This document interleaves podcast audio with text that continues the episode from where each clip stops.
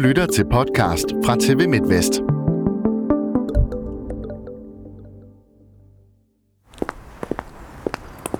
Nederst på det der brev fra Ingrid Stokkendal, der stod der en adresse, Ventersgade i København.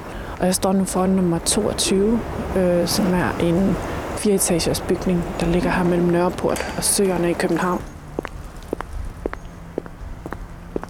Går jeg hen og ringer på. Så, hun boede på anden sal. Så det er sådan stuen, første, anden.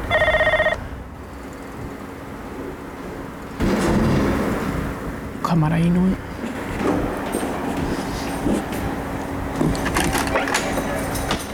Hej. Du bor ikke på anden sal, vel? Pardon? Sorry, my. Do you live on, sorry, do you live on, on the second floor? Uh, no, first. First floor? Yeah. Okay. Do you know if there's anyone called Stockendale that lives on the second floor? I'm not sure. I only moved in a couple of weeks ago. Okay, Sorry. alright. Jeg prøver lige til den anden side her.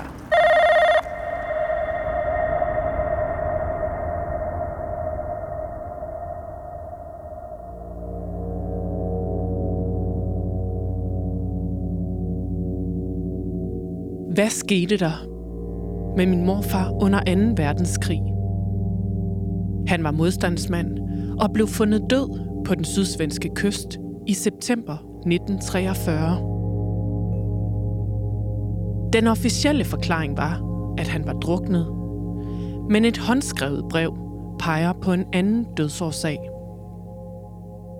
At han var drevet i land med skudhuller i kraniet. Uvidsheden har siden rislet som små dråber af savn fra generation til generation i min familie. Han er en silhuet i vores families fælles hukommelse. Hvem var den lyshårede unge mand, der døde ude i Østersøen en septemberaften i 1943? Jeg savner den far. Jeg ville virkelig, virkelig gerne have kendt ham. Hvis der kom en afklaring, så ville det være ligesom en bog, der blev lukket. Det her er en historie om at kende sit ophav, så man selv kan få fred. Og en jagt på svar på, om nogen har ville dække over sandheden. Jeg hedder Pernille Rølle. Du lytter til andet afsnit af podcastserien Min morfars modstandskamp, der handler om Jens Rølle, min morfar. Det kan også være, at det er for overoptimistisk at finde nogen med tilknytning til Ingrid Stokkendal her i Ventersgade. Hun boede her jo for måske 75 år siden. Men jeg må prøve en anden måde så. Jeg kan se, at i hendes hjemby Struer er der seks personer med efternavnet Stokkendal. Ja, Hej Inga, jeg hedder Pernille. Hallo igen. ja. Jamen tak, fordi du ringer tilbage. Ingrid Stokkendal. Jeg siger det dig noget. Ja, det gør der, det er da min kusine. Ja, Er hun stadig i live? ja da. Er hun det? Det er da, ja, da. Jamen, Jeg håber, du tak. Ja, tak skal du have. Tak for hjælp. Det godt. Ja. Godt, ja. Hej, hej. Yes, yes, yes. Tænk, at hun er i live. Ingrid Stokkendal, hun er jo nøglen til at finde den her mand, der dukkede op på sømandshjemmet i Nyhavn, med oplysningen om, at min morfar skulle være blevet skudt under sin flugt. Nu skal jeg så bare finde hende.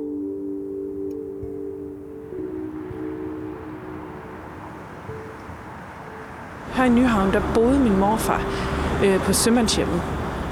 I dagene op til han flygtede der i 1943. Jeg går lige to trin ned her til ankeret, der markerer indgangen til Nyhavn. Her på venstre side, der ligger caféerne som farverige perler ned langs kanalen. Hej, Biver! Har du skønt dig? Jeg havde altså ikke lige kendt dig, hvis det var fordi, du vidste, du skulle stå her. Jeg har stået og kigget efter dig. Jamen, jeg har, øh, jeg har skyndt mig. Det her er Biver Danielsen. Biver er min tidligere kollega.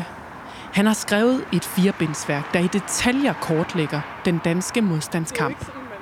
Han kender nærmest begivenhedernes gang dag for dag på det her tidspunkt i 1943.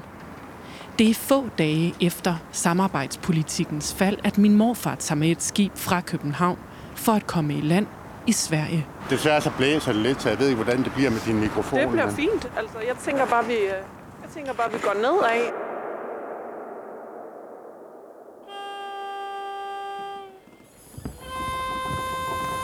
I 1943 ligger skibene til kaj. Trækasser og lærredsposer bæres i land fra skibene. Sikkert hjulpet på vej af korte kommandoråb fra skibsdækkene. Nogen haster måske forbi med en sækkevogn. I skibsprovianteringen i nummer 13 hentes torvværk, sæbe og andre ting, en sømand får brug for til havs. Fortøjningerne fletter sig ind mellem hinanden.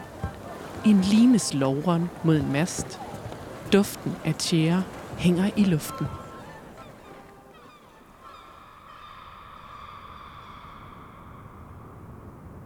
På det her tidspunkt i 43, august-september 43, lige der i- ved månedsskift, Ja. hvad præger så Nyhavn, hvis man har været en ung mand fra Struer? Ja, der står masser af øh, værtshuse og en del havnehoteller. Der er jo også til alle de søfolk. Der skal være et midlertidigt stop her i land. Meget livligt. Det, der har været markant, også når man kom fra provinsen, det er den massive militære tilstedeværelse. Det har der været. Nu kommer vi jo herned til, øh, hvor, hvor der går den lille bro over på den anden side, og der kan vi jo se sømandshjemmet, det ligesom tårner sig op her på den anden side, Ja. altså over på skyggesiden. Der boede min, min morfar. Grunden til, at vi ved det, er fordi han havde forladt sine køjesekter. Så der er jo noget, der tyder på, at han i hvert fald ville rejse let ja. Ja. på den tur, han skulle på, og var med som blind passager på det her skib, han fandt. Han havde den her søfartsbog, der betød, at han kunne bo der til rimelig billige penge. Hvad var det, han kunne finde der i forhold til at komme videre eller komme til Sverige? Først og fremmest få kontakter. Altså man kunne øh, være nogenlunde sikker på, at når man øh, havde indpas i søfartsmiljøet i forvejen, øh, så ville man altid kunne øh, finde ud af et eller andet der. Kun ganske få dage før min morfar Jens tager afsted, sker der et dramatisk skifte i Danmarks position over for Tyskland. Samarbejdspolitikken bryder sammen. Det er den 29. august 1943. Dagen før havde, øhm, altså, der havde den tyske rigsbefuldmægtige Werner Best stillet regeringen over for et ultimatum, der var blevet afvist. Øh, Så var regeringen hørt op med at fungere. Øhm, midt på natten til den 29. august, der erklærer general von Hanneken øh, undtagelsestilstand, og det bliver fuldt af angreb på de kaserner. Altså, tyskerne angriber simpelthen Ja, kaserner. jeg angriber kasernerne. Det kommer til kampe ved de forskellige kaserner med, øh, med omkring 20 dræbte. Der blev faktisk kæmpet mere den 29. august, end der gjorde den 9. april. Nu er vi lige gået ned for enden her af, af kanalen og kan stå og se over på Holmen. Mastekranen ligger lige der, og operahuset ligger jo selvfølgelig foran. Men hvad ville vi kunne have set herude i havnebassinet natten mellem den 28. og 29. august? Vi kunne have set fregatten Peter Skram, der var øh, sænket lige ud fra mastekranen. På kun 20 minutter sænker den danske flåde 32 af sine egne krigsskibe på Holmen skråt over for Nyhavns udløb, for at undgå, at de falder på tyske hænder. Det var meget voldsomt. Altså eksplosionerne bulrede ind gennem byen, så det kunne høres langt op nord for, for København, ude og vest på det ene brag efter det andet. Hvordan har det så været at være 200-300 meter herinde? Det har været et inferno. Altså, der er min morfar jo så formentlig befundet sig. Ja, hvis vi skal prøve at sætte os ind i, hvordan han havde oplevet det. Det sker, og så tæt på, altså få hundrede meter fra, øh, altså fra sømandshjemmet. Det må have været skræmmende. Det, fordi man vidste ikke, hvad der foregik, eller hvad? Man vidste ikke, hvad der foregik. Man må have oplevet det som i en krigszone. Var det et allieret luftbombardement? Ja, eller var der kommet en flådestyrke ind i Øresund, der var begyndt at beskyde byen? Altså, man ved jo ikke, hvad man skal tro. Nej, det er klart.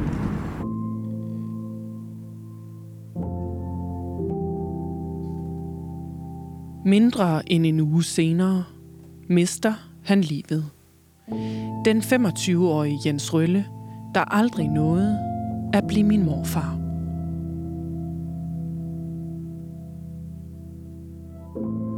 Jeg har det her brev, jeg gerne vil vise dig for den her unge kvinde, Inger Stokkendal hedder hun. Og hun skriver, at hun forsøger at opsøge min morfar hernede på Sømandshjemmet. Hun skal ned og snakke med ham, og øh, han er der ikke, men de, de, er, så, de er meget så underlige, skriver hun. Mm. Øhm, og, og, og, så kommer hun så, så får hun at vide, at, øh, eller hun får så ikke noget at vide, men så ringer de hende op, og så kommer hun så derned, hvor der er tre mænd dernede. Og der får hun at vide, at han er drevet i land i Sverige, og at han er skudt i hovedet. Der er en mand, der har den oplysning. Ham vil jeg jo meget gerne finde. Ja, det er klart. Det er klart. Hvem kan sådan en mand have været? Hun, hun skriver, at han kom vist derovre fra. Mm. Har du noget kendskab til, hvem sådan en mand han kan have været, der havde den oplysning? Og det var en dansker, ikke? Det ved jeg så ikke, Nej. om det var en dansker eller en svensker. Er du faldet over noget i den forbindelse, i din research til dine bøger? Nej, ikke, ikke, ikke, ikke noget, der kan pege i den her retning. Øh, det var en dramatisk hændelse, det her. Og altså, medmindre man selv direkte havde noget at skjule, så ville det jo have været noget, man havde øhm, snakket om mand og mand imellem, også i havnene. Hvad tænker du på?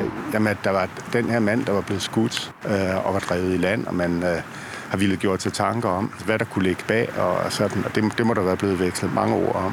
Og nogle af de ord har Ingrid Stokkendal så skrevet ned i det her brev, jeg står med.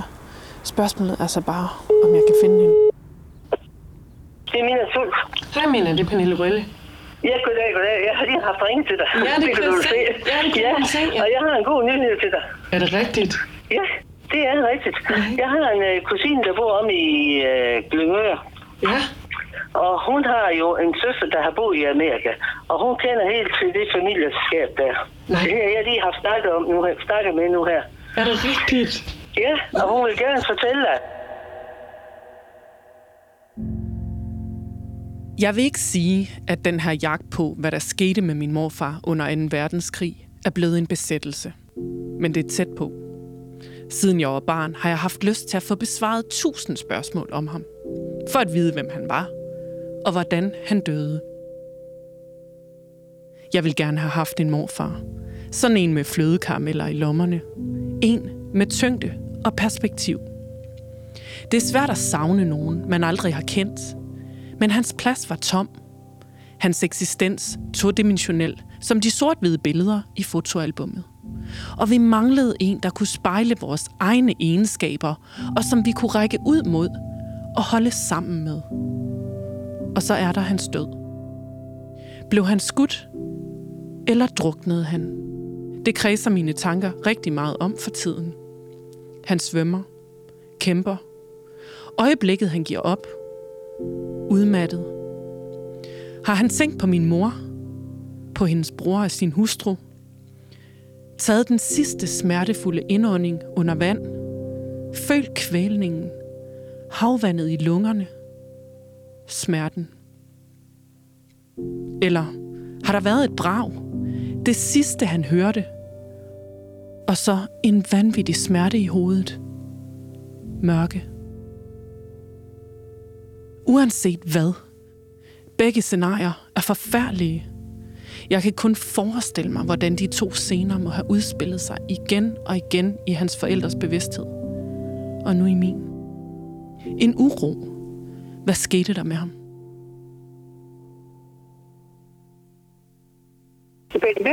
Hej Bente, jeg hedder Pernille Rølle. Ja, goddag. Goddag, jeg ringer, fordi jeg har fået dit nummer af Mina. Ja, det ved jeg godt. Det ved du Ja. godt. Fint. Ja. Nå, men øh, jeg, øh, jeg ringer, fordi hun har jo nok måske fortalt dig, hvad det er. Øh. Ja, hun er ved at, at fortælle lidt om, at det var noget med din bedstefar eller sådan noget, du var ved at researche på. Ja. Lige præcis. Der kommer så det her brev, som familien modtager fra Ingrid Stokkendal, som jeg kan forstå er din faster eller moster, eller hvad? Det er min moster, ja. Det er din moster. Ja, Ja, hun var i sin tid, har jeg fundet ud af, forlovet med min morfars bror. Men den ja. forlovelse... Jeg kan nemlig huske, der var en, der hed Rølle, som der var meget snak om, og, og Hun skriver så det her brev. Hun ender jo så i København, og... Øh, ja, ja, og hun var ikke ret gammel. Hun var lidt vild i det, tror jeg nok, lige i starten der. Var Min hun moster. Ja, ja, hun var sådan en meget livlig øh, pige, og hun var sådan yngste skud på stammen, så jeg tror ikke rigtig, de havde styr på hende. Ja, men havde forskellige jobs rundt omkring, hvor hun så mødte hende senere mand jo. Øh, han hed Werner.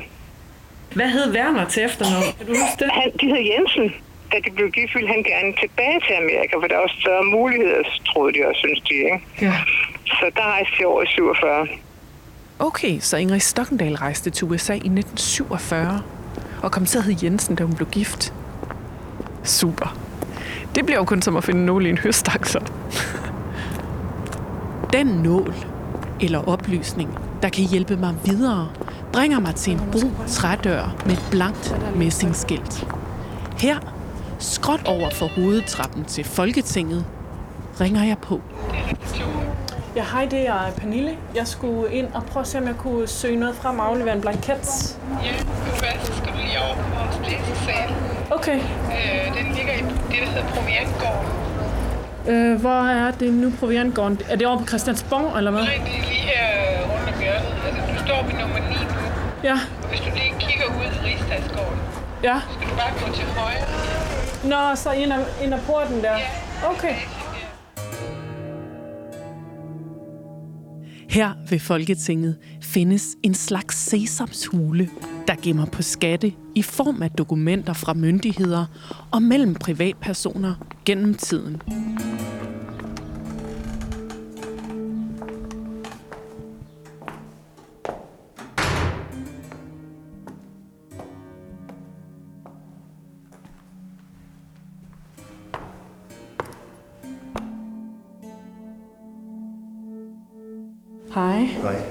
Jeg skulle øh, have hjælp til at søge noget frem og aflevere en blanket.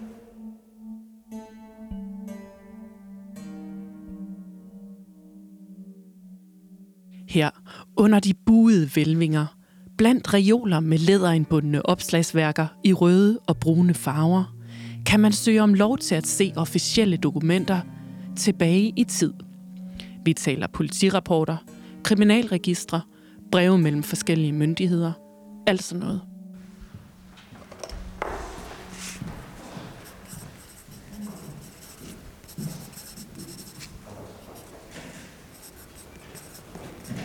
Til lige nu der har arkivaren taget min øh, seddel, hvor jeg har skrevet bestillingsnummer på. Og så har han gået ud der bagved, hvor der ligger masser af, af brune kasser med sager i. Så det kan jeg godt få sådan et kriller i maven over, kan jeg mærke. Det er sådan, som om han kommer en lille smule tættere på, eller man kommer en lille smule tættere på sandheden måske. Jeg tror, det er det.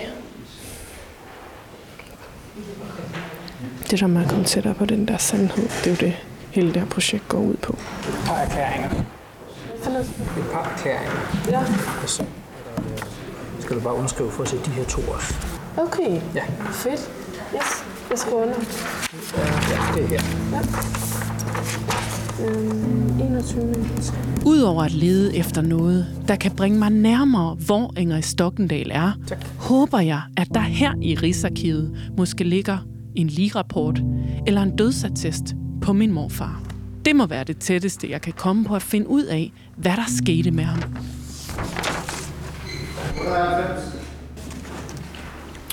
Foran mig ligger en mappe, og det er sådan en, øh, en mappe, der er lidt længere end A4-størrelse, i sådan noget gulligt papir, hvor man virkelig sådan kan se tidens tand, der har påvirket det.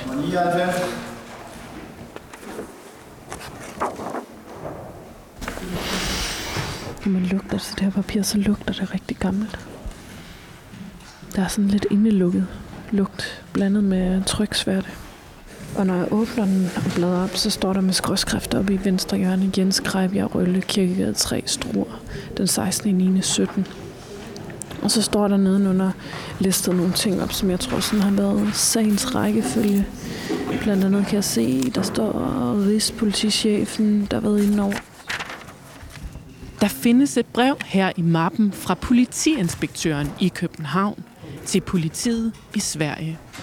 Det er fra 1946, altså tre år efter min morfars død. Politiinspektøren i København skriver, Under sagens behandling er det blevet antydet, at afdøde ikke er omkommet ved drukning, men skal være skudt gennem hovedet. Da dødsårsagen formentlig må fremgå af dødsattesten, anmodes, at en sådan må blive fremsendt hertil. og her på næste side er der svar fra Sverige. Kun tre dage senere.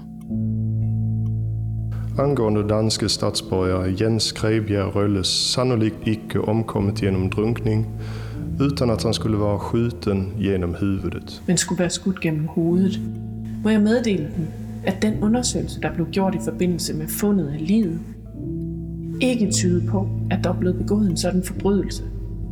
Vid likbesiktningen som förrättades Ved ligebesigtigelsen der blev forrettet af den nu afdøde læge Borlin i Vellinge, var der ingen tegn på ydre vold, Dervid dødsorsaken angavs drunkning. hvor dødsårsagen blev angivet som drukning.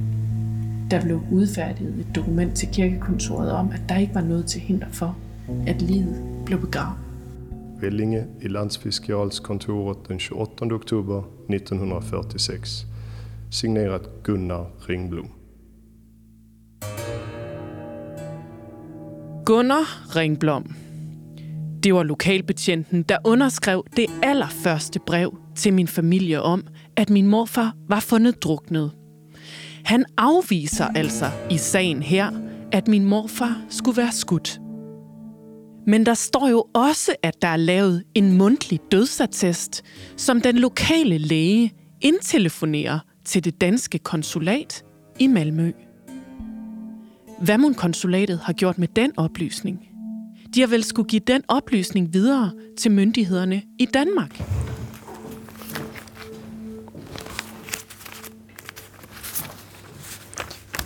Men, men den dødsattest, som de danske myndigheder beder om, den er ikke vedlagt i den her sag. Der er ikke flere dokumenter i mappen. Det kunne tyde på, at det danske politi accepterer svenskernes forklaring.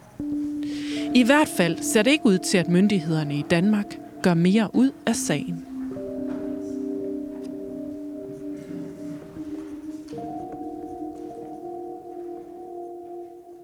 Jeg finkæmmer endnu en af de brune papæsker med hundredvis af pergament tynde dokumenter for at lede efter min morfars navn.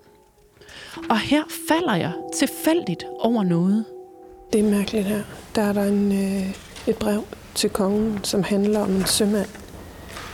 Øh, Andre, det er en enke, der hedder Andrea Bæklund Ernsten, der har bedt om at få sin mand, som altså er død ved en søvelykke, øh, udleveret til Danmark. Og der står der, at, øh, at kongen ikke øh, kan se noget til hinder for det her. Øh, det er præcis det samme brev, jeg har, hvor der står, at det ikke kan lade sig gøre. Altså for min morfars forældre. Men her har en enke i Danmark fået lov til at få sin mand gravet op og få ham hjem i en sænkkiste. Hun har i første omgang fået afslag. Præcis som min familie. Men da hun klager over afgørelsen til den svenske konge, får enken her tilladelse fra kongen af Sverige. Det synes jeg er meget interessant, der. Der er optaget en, en politirapport Aarhus den 27. maj 42 med overflytning af lige fra Sverige til Danmark. Hun ønsker, at mandens sidste bil, som blev dansk jord. Hun tilføjede, at det i resten af hendes liv ville bedrøve hende umiddeligt dybt, hvis hun ikke kunne besøge og værne om mandens gravsted. Det samme vil være tilfældet for børnenes vedkommende, i det disse føler savnet, at faren dobbelt svært ved at vide, at han hviler i et fremmed land. Men sådan havde min morfars forældre det jo også. Jamen, det siger mig, at der er uler i mosen. Eller der var en eller anden grund til, at han ikke måtte graves op. Og øh, det er jeg da forarvet over. Og jeg føler da meget med min, med, min farmor og farfar. For det betyder jo så uendelig meget for dem at få lov til at få ham hjem i familiegravstedet. Så den svenske konge siger altså ja til enken til den døde sømand i 1942, men nej til min morfars forældre.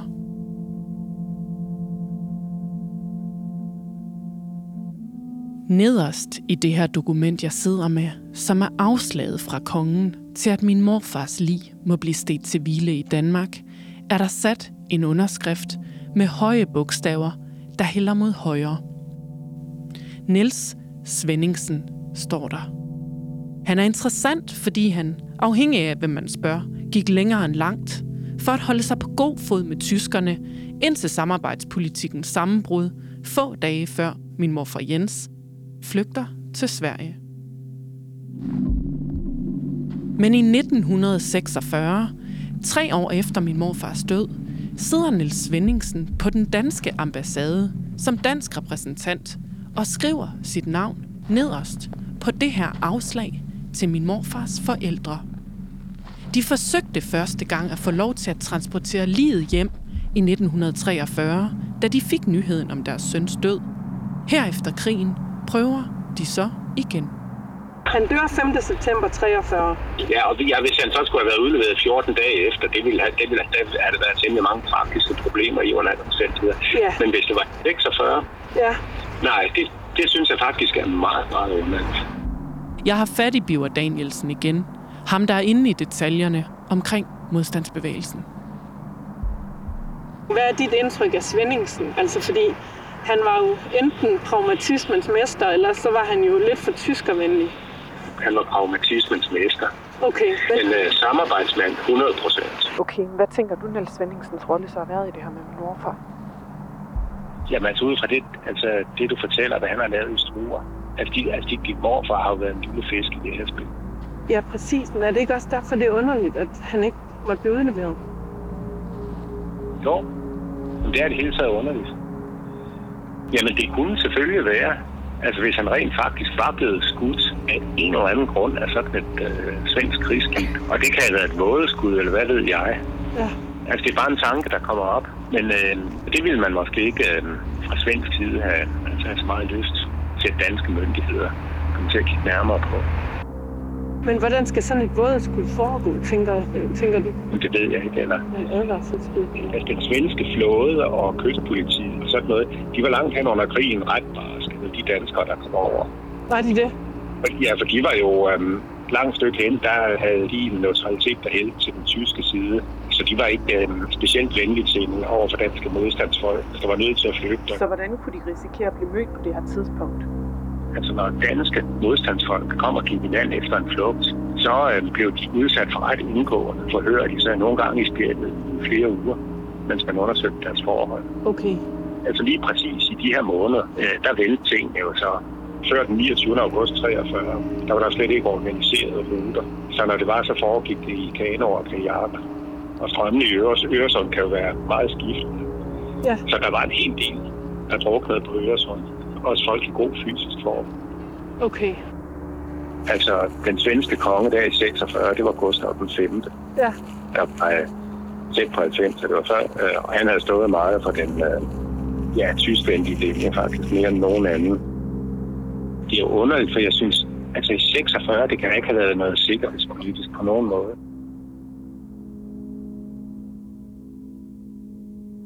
Inden jeg leder videre i Sverige, har jeg fået nyt om Ingrid Stokkendal. Hende, der havde talt med en mand, der havde oplysningen om, at min morfar var drevet i land, skudt.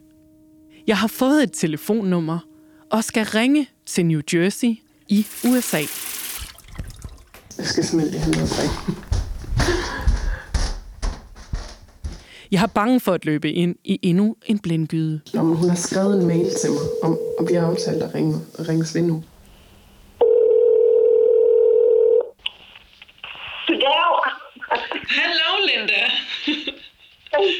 Okay, ja. How are you Hvordan doing? har du det? Hvordan har du det i dag? Nej, hvor taler du godt dansk. Jeg har det godt. Det her er Linda Jensen. Hun er datter af Ingrid Stokkendal. Lige nu sidder hun i det hus i New Jersey, hendes forældre Ingrid og Werner købte, efter de flyttede til USA i 1947. My mom passed away when I was still a very young woman, and I hadn't gotten to the age where I wanted to get interested in all the family stories until I got to be about 40, about your age, Yeah, you yeah. know. But, you know, she passed away, and I wasn't able to ask her all the questions I now have. Så Lindas mor, Ingrid Stokkendal, døde altså desværre allerede i 1986 af en kræftsygdom. Spørgsmålet er, om hun efterlod sig nogen som helst viden om, hvem den mand var, der dukkede op på sømandshjemmet i København med oplysningen om, at Jens Rølle var fundet skudt i Sverige. So, Linda, were you uh, you were born in 1951? Were you? Yeah. Do you remember your mother or your parents talking about someone being shot in the head?